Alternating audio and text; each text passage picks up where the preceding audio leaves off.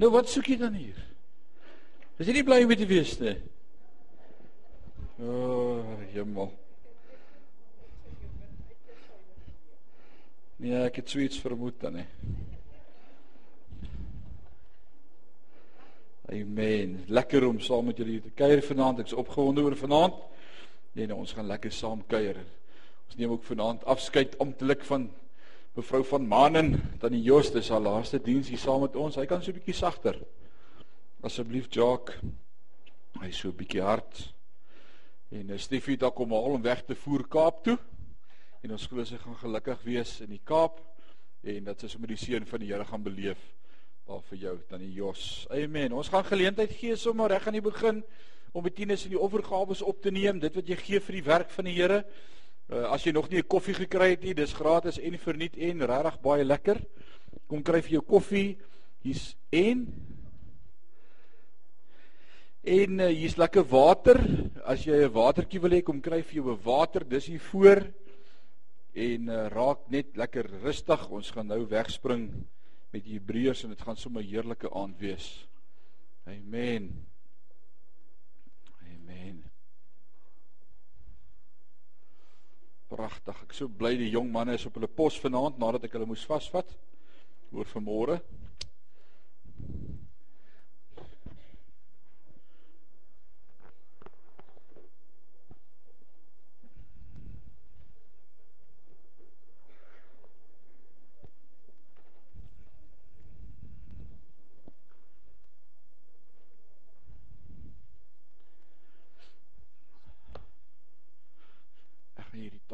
Deel ons se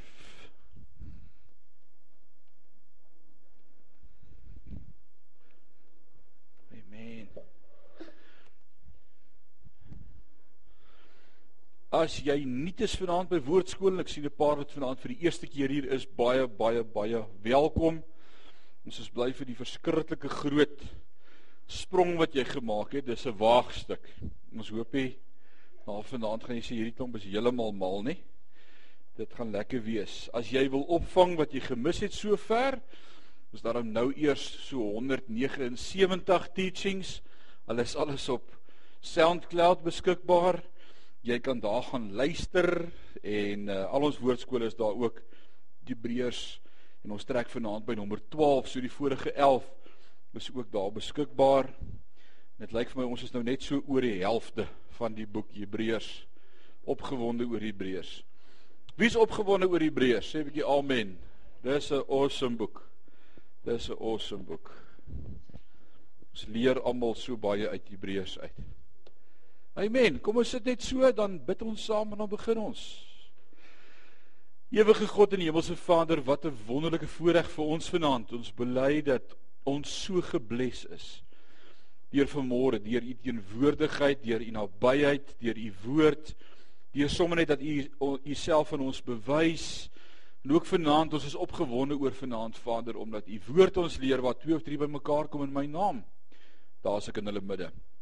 Dankie Vader dat ons vanaand die tyd uitkoop en mag uitkoop en vryheid het van spraak en van godsdiens van geloof om vanaand hierdie tyd eenkant te sit om te kom hoor wat u woord ons leer. Ek wil bid praat met ons elkeen Mag dit 'n woord wees wat elkeen van ons verander en diep in die hart raak soos elke week. En mag U vanaand ook met my praat. Elkeen van ons bid dit.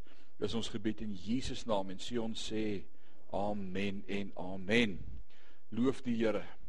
As jy gewonder het hoe lees ons die boek Hebreërs?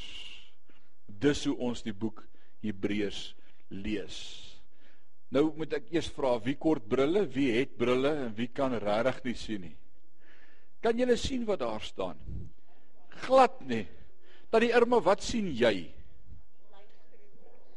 sien jy die streepies? Is hulle op of dwars duideliker? Ek hoor as jy gaan vir 'n oogtoets dan vra sy vir my, is dit op of dwars duideliker? Alraai. Jy hoef nie alles vinnig neer te gribbel nie vir jou gemak het ek fotostate gemaak en ek sal as ons uitstap dat Christian en Dian wat vanmôre laat was dit vir ons sal uitdeel weerskante vir hulle straf. Ek moes nog dink aan iets. Chris kom al gou by pappa. En dan as jy ons uitstap dan weerskante dan deel jy dit vir ons uit. 2 3 4 5 Dankie seun. As jou voete grond raak, dan slek jy af. Ek weet nie hulle het in die Ami vir ons gesê, aan die einde van hoofstuk 9 vers 13. Daai eerste gedeelte van die boek is vir ons instruksies en die laaste gedeelte exhortation. Wat beteken exhortation? Dis 'n mooi woord, Ronnie. Encouragement, lifting up. Wat nog? To exhort one is to lift him up. So hierdie is bietjie bemoediging. Dis 'n Afrikaanse woord wat dalk kan inpas. As meer bemoediging. So ons is nou nog in hierdie eerste gedeelte. Nou daarso is warning sections. Daar's 5 van hulle in die boek 1, 2, 3, 4 en 5. Ons het al met 1 en met 2 en met 3 gedeel. Daardie gedeelte waar waarskuwings was, daar kom 4, so hoofstuk 10 vers 26 tot 31.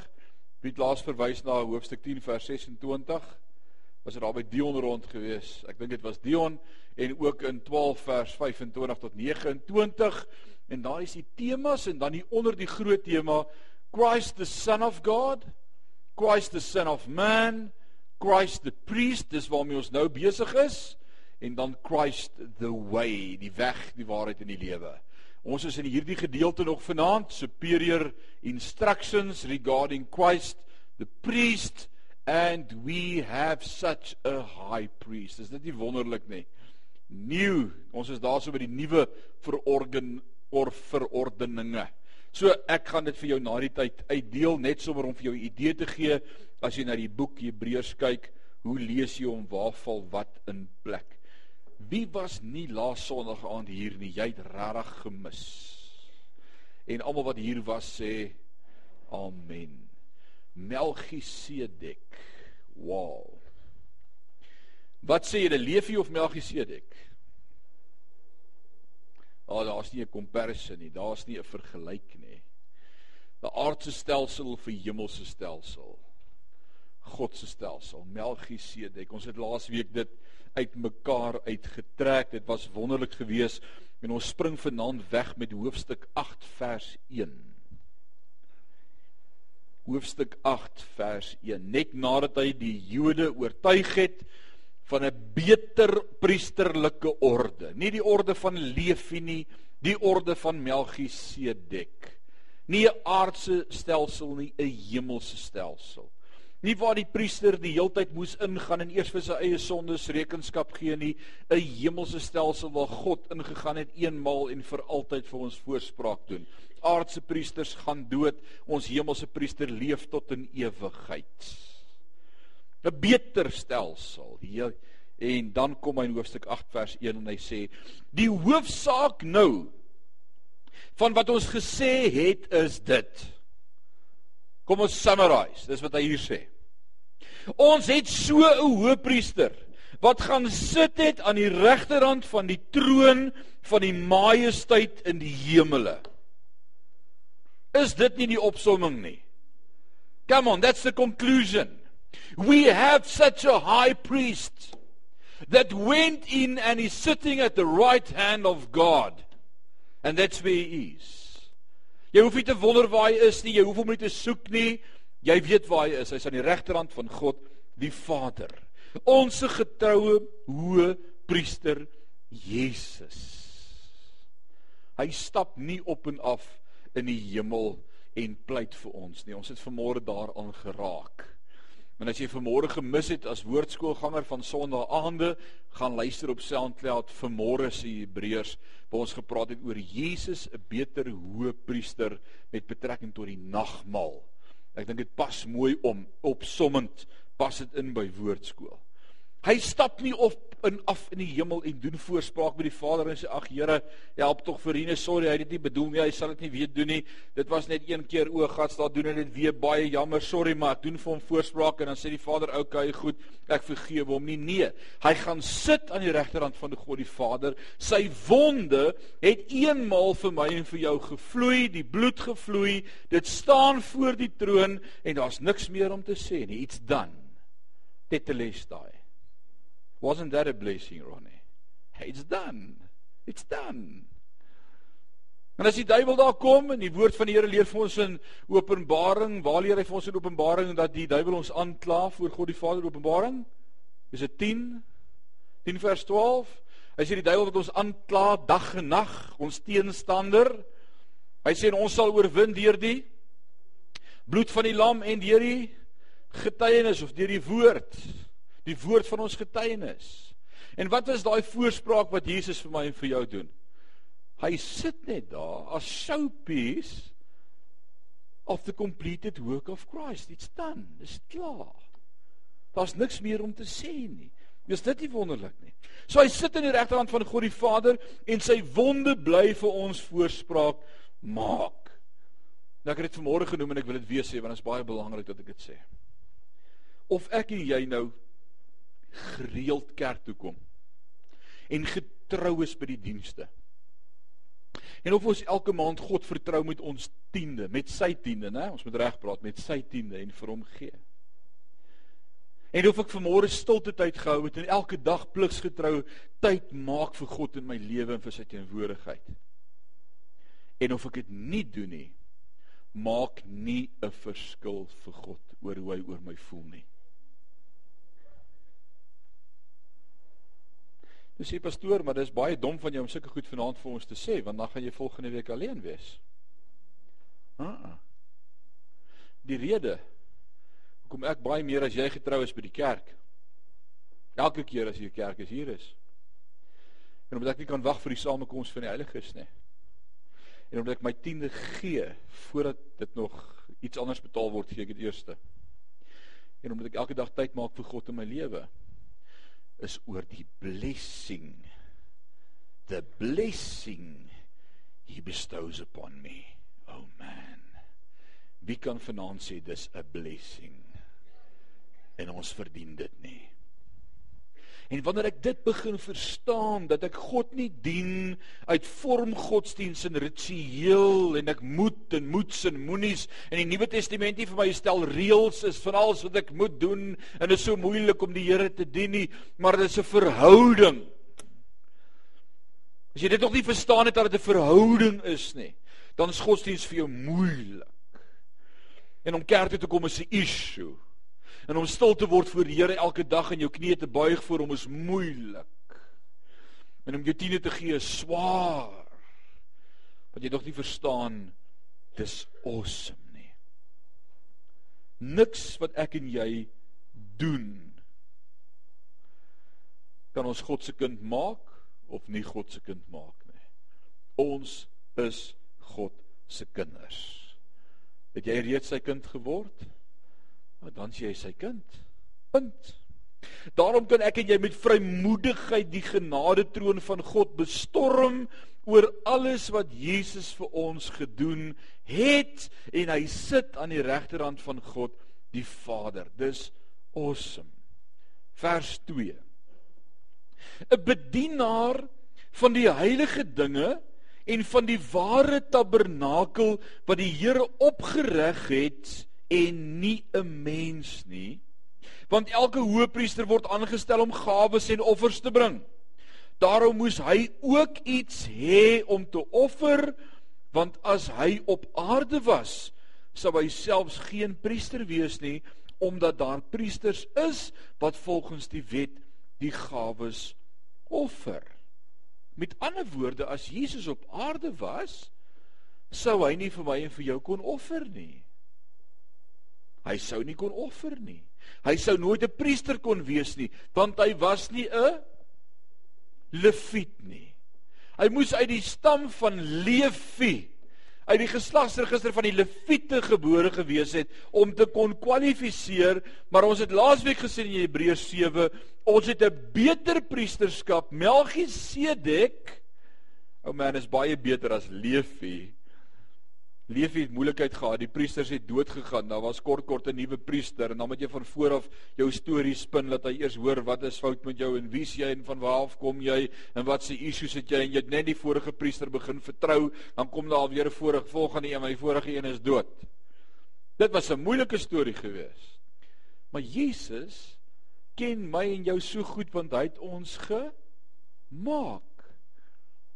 Hy het ons gemaak Jy hoef hom niks eers te sê nie. Jy kan net sê Here, is alweer ek. Sê Here, ek weet presies wie jy is. Ek weet alles van jou. Jy's my kind, jy's my skepsel. Maar Jesus was 'n beter hoëpriester gewees volgens die orde van Melchisedek vers 5. Hulle wat 'n offerbeeldsel of skaduwee van die hemelse dinge bedien, soos Moses 'n goddelike bevel ontvang het toe hy die tabernakel sou voltooi.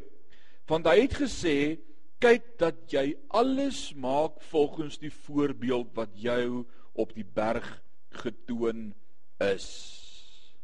Nou begin ons raak aan hoe die tabernakel op aarde gelyk het en die van julle wat mooi sal onthou of hier was, my heel eerste woordskool in Sion gemeente 7 jaar terug was die tabernakel. Wie van julle kan tabernakel onthou of was hier gewees? Was julle hier Dion, Dalena, Kobus? Beautiful. Andrei, jy toe al begin kom. Pragtig. Jy toe begin kom met tabernakel. En Andrei het altyd gespot dan sê ek het elke boutjie in moertjie in washer van die tabernakel het ons oor gesels en gebestudeer. Maar ek wil vir jou sê as jy tabernakel verstaan, hoekom hy lyk soos hy lyk. En ek onthou daai heel eerste aand het ek die volgende gesê omdat die Hebreërs vir ons vertel dat dit 'n voorbeeld is van dit wat ons eendag in die hemel gaan kry. Toe sê ek hierdie voorbeeld. Dis soos 'n plaaskind wat van die plaas af vir die eerste keer in die stad kom en hy sien 'n robot en hy het nie 'n klou wat dit is nie.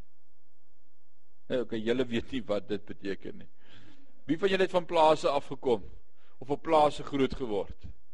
En as jy die eerste keer daar in die stad kom in Jansberg, op Jansberg, kan jy onthou hoe jy gevoel oor al daai liggies en hoe groot dit is en hoe vinnig die mense ry en hoeveel bane daar is op die hoë weg. Dit is verskriklik. En dan sê my neef nou die dag vir my, jy dink Johannesburg is erg. Wag tot jy in New York of Washington kom, dan sien jy wat is groot. Dan gaan jy voel soos 'n plaas Japie in Johannesburg. Dis weer anderster. Die rede hoekom ons so gekyk het na tabernakel studies is sodat wanneer ons enig in die hemel kyk, jy nie gaan sê wat is dit? Wat is dit? En wat is dit nie? Maar jy gaan sê, "Ah, ek weet. Dis die verbondsark. Ah, ek weet, dit is die koper waskom. Dis die altaar. Dis die simboliek. Dis wat dit beteken het. Ah, loof die Here vir die werk wat hy vir ons gedoen het." Nou kom die Hebreërs skrywer en tabernakel was baie bekend geweest by die Jode. En dis juist vir hierdie groep Jode wat hy dit skryf, nie vir my en vir jou nie, maar wat sê hy vir hulle? Hy sê daar's 'n voorbeeld van hoe dit op aarde gelyk het ook in die hemel. Maar die voorbeeld wat ons op aarde het van hoe dit moes lyk, het Moses nou keurig by God op die berg ontvang. Daar's 'n rede hoekom elke ding lyk soos wat dit lyk in die tabernakel. Daar's orde, sê saam met my orde. God het 'n stelsel in plek. Daar's orde as dit kom by hy. En dan sê hy in vers 5 hulle wat 'n afbeeldsel en skaduwee van die hemelse dinge bedien. Nou wie is die hulle van wie hy gepraat het in vers 4 en nou ook in vers 5? Wie bedien die skaduwee of die afbeeldsel van hemelse dinge van wie het hy gepraat? Aardse priesters. Die priester in die tempel.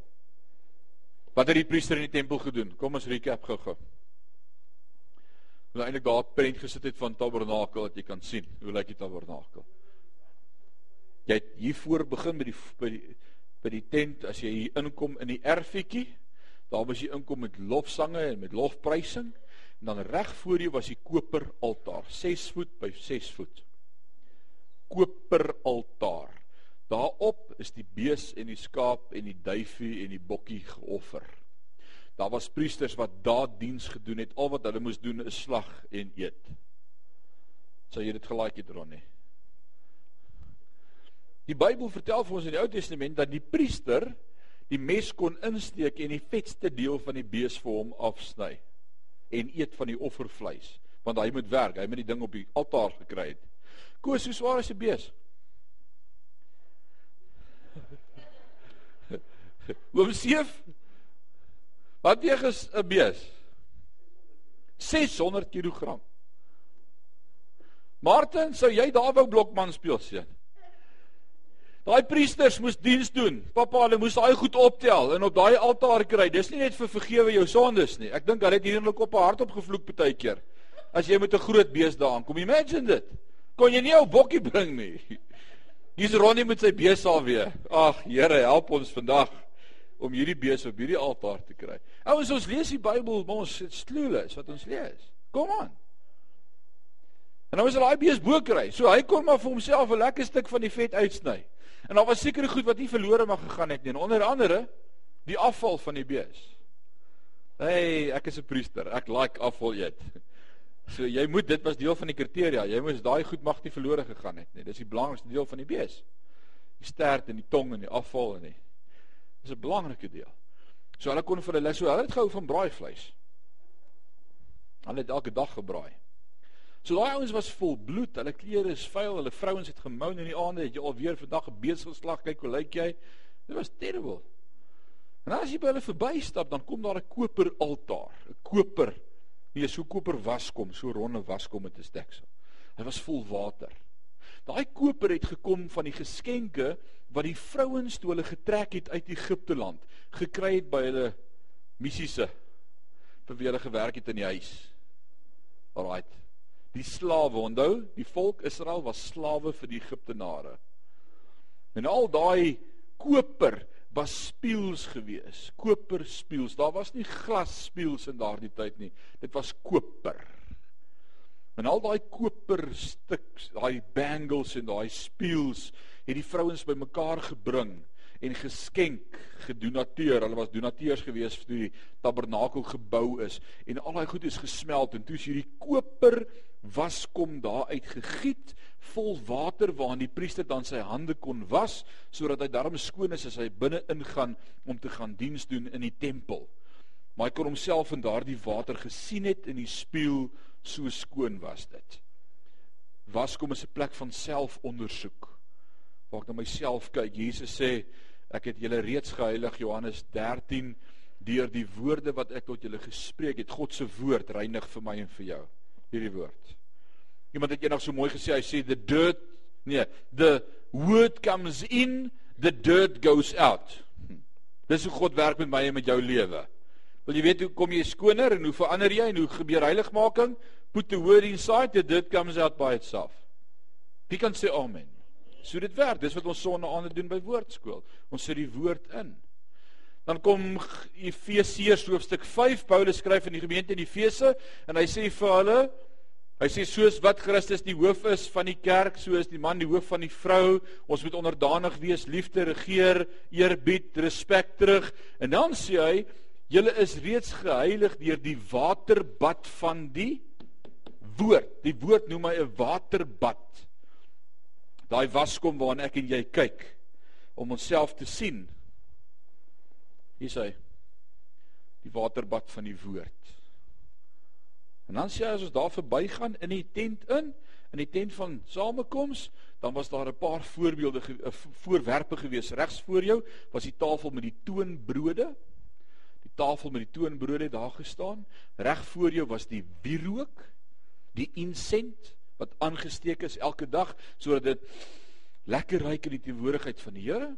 En dan hier aan die linkerkant was die lampstand, the golden lampstand, die sewe goue kandelare wat daar gestaan en brand het. En elke dag moes hulle olie ingegooi word en hulle olie gecheck word en die lamppitte ingesit word en aan die brand gesteek word. En waag jy dit as daai lamp dood is, het jy moeilikheid.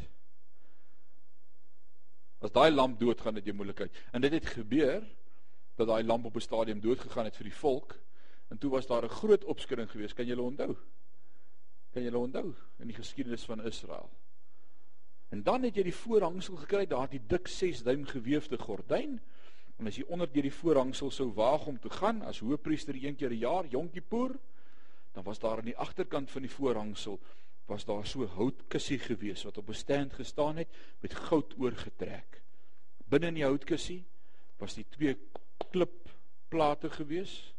Die wet, the commandments of God, die 10 gebooie. Daar was ook later ander goed ingesit, maar aanvanklik was dit net dit wat daar was. En dan is daai deksel opgesit. Daai deksel se naam is die versoen deksel. Alraight. En dan is daai versoendeksel opgesit, the mercy seat. That's a beautiful name, the English. A mercy seat. En on that mercy seat, wat was daar gewees? Twee gerubs wat so gestaan het met hulle vlerke uitgesprei wat daardie goue versoendeksel toegemaak het en op die versoendeksel moes die priester dan 7 keer met 'n hisoptakkie die bloed van die offer van daai dier daar buite kom spat het om vir die Here te sê ons het geoffer stel net ons sonde vir nog 'n jaar uit asseblief. En daardie moet God gekonnekt so hierdie hele prentjie tabernakel ek het dit nou baie vinnig vir jou geskets. Dit was 14 weke se gesels hierdie in detail Daardie prentjie sê die Hebreërs skrywer is dieselfde prentjie van wat ons eendag in die hemel gaan kry. Nou sê hy, maar hierdie priesters wat elke dag geoffer het en hulle hande moes was en die wierook moes aansteek en sorg vir olie in die lamp en die vars brood moes daar sit en moes bid vir hulle sondes voordat hulle onder deur die voorhangsel kruip en die en die bloed gaan spat en al hierdie dinge doen. Hulle was besig met aardse rituele, maar hulle het nie 'n klou gehad waarmee hulle besig nie. Want vers 6 sê, maar nou het hy 'n voortreffliker bediening verkry. Nee, ons is by vers 5. Hulle wat 'n afbeeldsel en skaduwee van die hemelse dinge bedien, soos Moses 'n goddelike bevel ontvang het toe hy die tabernakel sou voltooi, want hy het gesê, "Kyk dat jy alles maak volgens die voorbeeld wat jy op die berg getoon het." Is dit was net 'n skaduwee of 'n afbeeldsel but they were clueless. Want hulle het nog nie verstaan dat Jesus Christus die lam van God gaan kom dat hy die sonde op hom gaan neem wat die koper waskom van die woord is nie wat die tafel met die toonbrode beteken nie wat die wierook is nie. Hoekom 'n lampstander?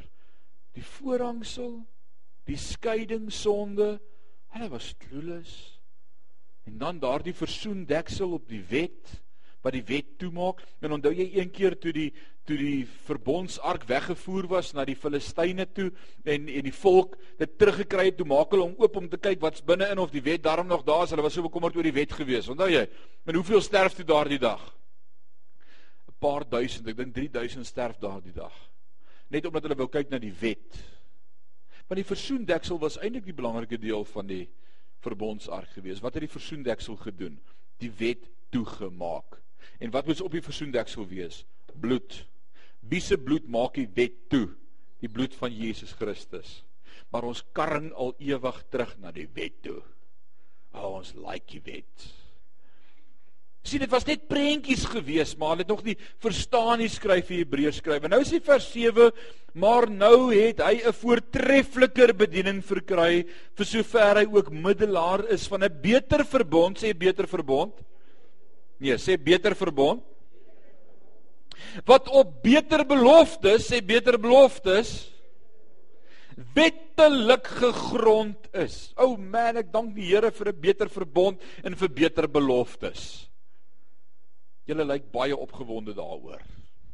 Maar ek wil vir jou beloof as dit die ou bedeling was voor Christus, was ek en jy verlore. Daar was nie vir ons redding nie. Daar was net uitstel van sonde vir 1 jaar, maar volgende jaar beter jy betyds hier wees met jou bokkie of jou skapie om weer te offer en te hoop die Here aanvaar dit. Anders het jy moeilikheid. Jo, dit was 'n beter verbond met beter beloftes. Want as daardie eerste een, en nou hoor mooi wat skryf hy hier, onberispelik was.